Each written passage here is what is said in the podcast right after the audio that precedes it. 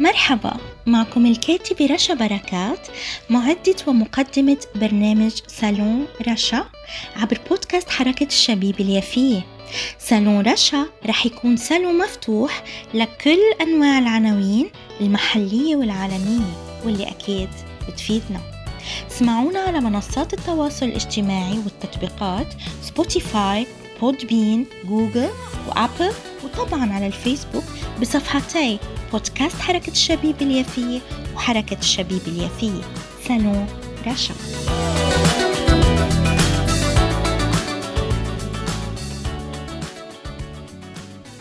أهلا وسهلا بكم أعزائي محبي ومتابعي كل برامج بودكاست حركة الشبيبة اليافية.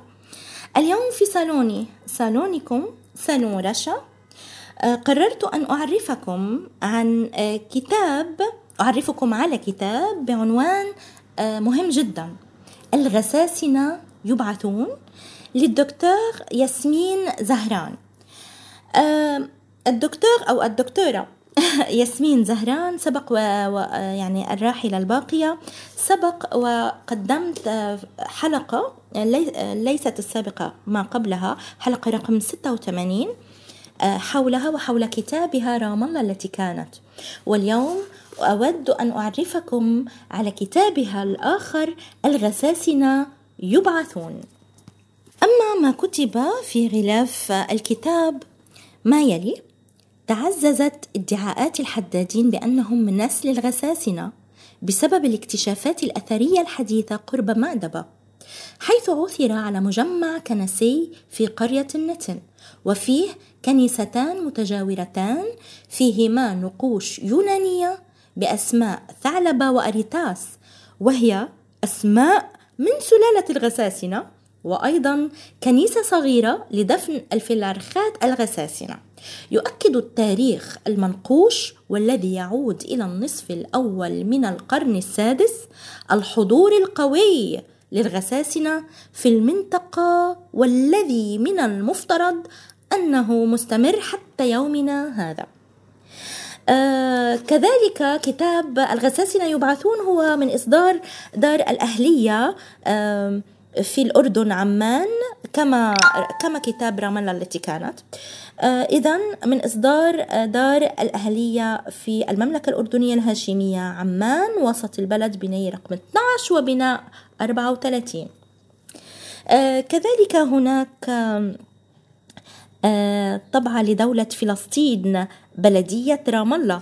وكما نرى في الكتاب هناك مقدمة آه، طبعا مقدمات المؤلفة طبعا. وكذلك هناك كلمة لبلدية رام الله.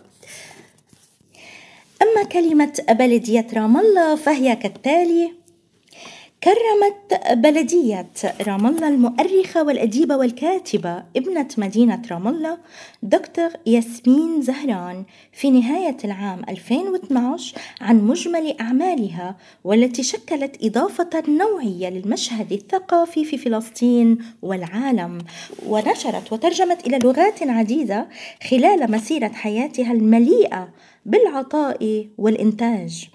وفي هذا السياق عمل عملت بلدية رام الله على ترجمة ونشر أحد أهم أعمال الكاتبة ياسمين زهران وهو كتاب غسان Resurrected الذي تبحث فيه في أصل عائلات مدينة رام الله المسيحية وترد أصول بعضهم بعضهم إلى الغساسنة العرب. يأتي هذا القرار في سياق خطة بلدية رام الله التي بدأت منذ سنوات بالعمل على مأسسة عملها على المستوى الثقافي سعيا إلى تطوير دور البلدية في مجال التنمية الثقافية بشكل ريادي من خلال تحديد أدوار تكاملية لكافة الفاعلين في العمل الثقافي في المدينة حيث ركزت البلدية خلال هذه السنوات على توفير البنية التحتية الملائمة. والقادرة على استيعاب النشاط الثقافي المحلي والوافد ودعم الفعاليات الثقافية والفنية التي تقيمها مؤسسات المجتمع المدني وإشراك الشرائح المجتمعية المختلفة في النشاط الثقافي والمجتمعي وتوثيق الرواية التاريخية المادية والفكرية لمدينة رام الله عبر مشروع أرشيف البلدية ودعم الدراسات والنشر عن المدينة وترميم وتأهيل المباني التاريخية القديمة وغيرها الكثير من النشاطات والمشاريع التي تهدف آه، إلى الارتقاء بالبرامج الفنية والثقافية. وانطلاقا من هذه الرؤية جاء تكريم وترجمة أحد أعمال الكاتبة ياسمين زهران. وهي السيدة التي ساهمت على مدار سنين حياتها في إنتاج أعمال بحثية معمقة في مجال التاريخ والآثار والبحث العلمي ونشرت عددا من الأعمال الروائية التي كانت مسكونة دائما بروح الهوية الفلسطينية والقومية العربية ساعية من خلالها إلى تكريس الثقافة العربية والموروث الأصيل والتمسك بالتراث والنضال والوطن ومسكونة بالسعي وراء الأسئلة الكبرى وعالم ما بعد الموت والبعث والخلود مستندة إلى مخزونها الكبير من الفكر والتنوع والوعي دون التفريط أو التنكر لأصولها العربية وموروثها الشعبي. كما ساهمت السيدة ياسمين زهران أو الدكتور كمان كذلك الدكتور ياسمين زهران في افتتاح دائرة الآثار في جامعة القدس وعملت سنوات طويلة من حياتها في منظمة الأمم المتحدة للثقافة والعلوم، وكانت دائمة الحركة والتنقل والعمل، مضيفة اسما لامعا إلى المشهد الثقافي الفلسطيني لسيدة تستحق كل التقدير والعرفان من بلدها الكبير ومدينتها الأم رام الله. أعزائي هناك أيضا في الكتاب مقدمة للأستاذ روبرت هويلاند آه وهو أستاذ الدراسات العربية والشرق أوسطية في جامعة سانت أندروز وجامعة أكسفورد في آب أغسطس كتبها سنة 2006 آه أما بالنسبة لمقدمة المؤلفة فأود أن أذكر منها نبذات آه لو تسمحوا لي آه لأنها للمؤلفة تختص بالمؤلفة. تقول هذه الدراسة وهي الأخيرة في رباعية عن العرب قبل الإسلام إنما هي محاولة لإعادة بعث مملكة الغساسنة المملكة التي جسدت التفوق العربي قبل الإسلام. ذاك التفوق الذي لعب دورا هاما في التاريخ العربي والروماني. تعلم العرب أن ينظروا إلى العالم الخارجي بعيونهم هم. وقد كان الحلف الذي أقاموه مع العديد من القبائل في عصرهم هو الخطوة الأولى في طريق الوحدة العربية كما كان بمثابة تمرين أداء على مسرح الإمبراطورية العربية.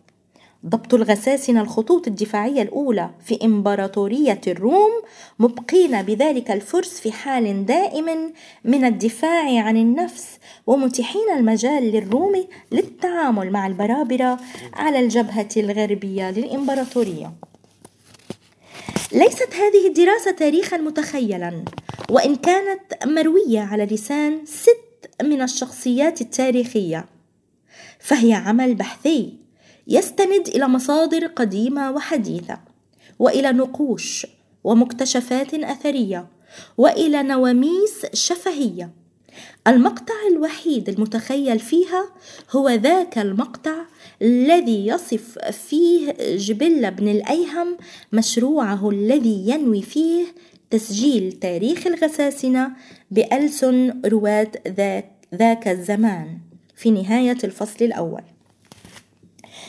هناك نبذة أود أن أذكرها للكاتبة. تقول فيها كتابة التاريخ إنما هي عملية انتقائية وهذه الدراسة عن التاريخ الغساني ليست استثناء. اختيار الأحداث وقائمة شخصيات الدراما قد فرضت على العمل. تجب الإشارة إلى أن الدراسة تبتدئ من النهاية أي بعد سقوط سلالة الغساسنة الحاكمة وتعود إلى البدايات وينتهي الكتاب بحكايتين. يتحدث التاريخ الغساني عن قوم استطاعوا أن يفرضوا حكمهم ولغتهم على أربابهم في العالم الناطق باليونانية وأيضا على العالم الناطق بالأرامية في سوريا من دون أن تكون لهم ثروة البتراء أو تدمر ولا مصادرهما بل عبر القوة العسكرية.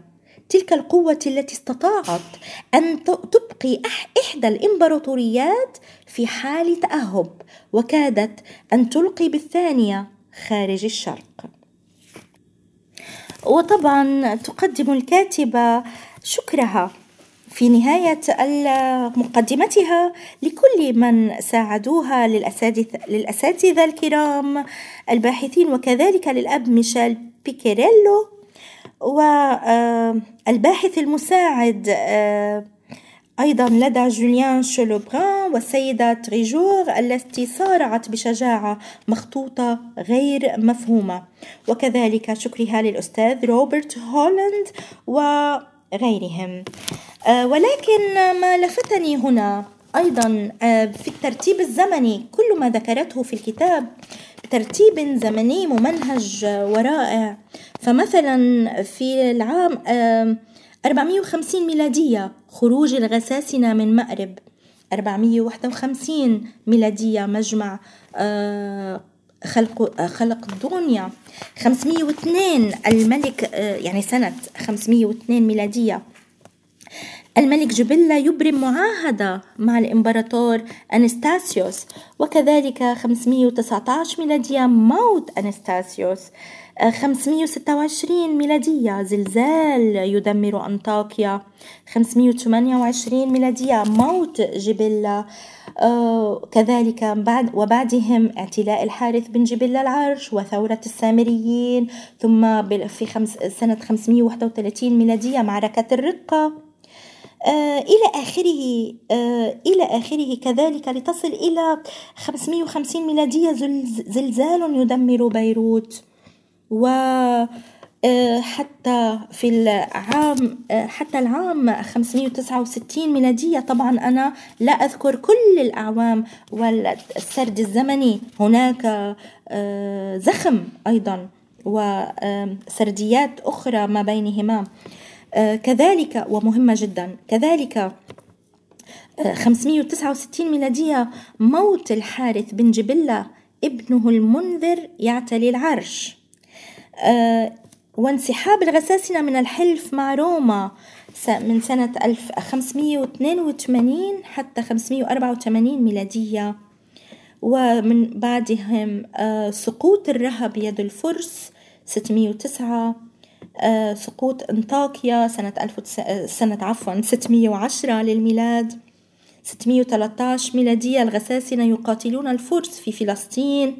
614 ميلادية سقوط القدس بيد الفرس 628 ميلادية انتهاء الاحتلال الفارسي 636 ميلادية معركة اليرموك انتصار العرب المسلمين نهاية سلالة الغساسنة الحاكمة.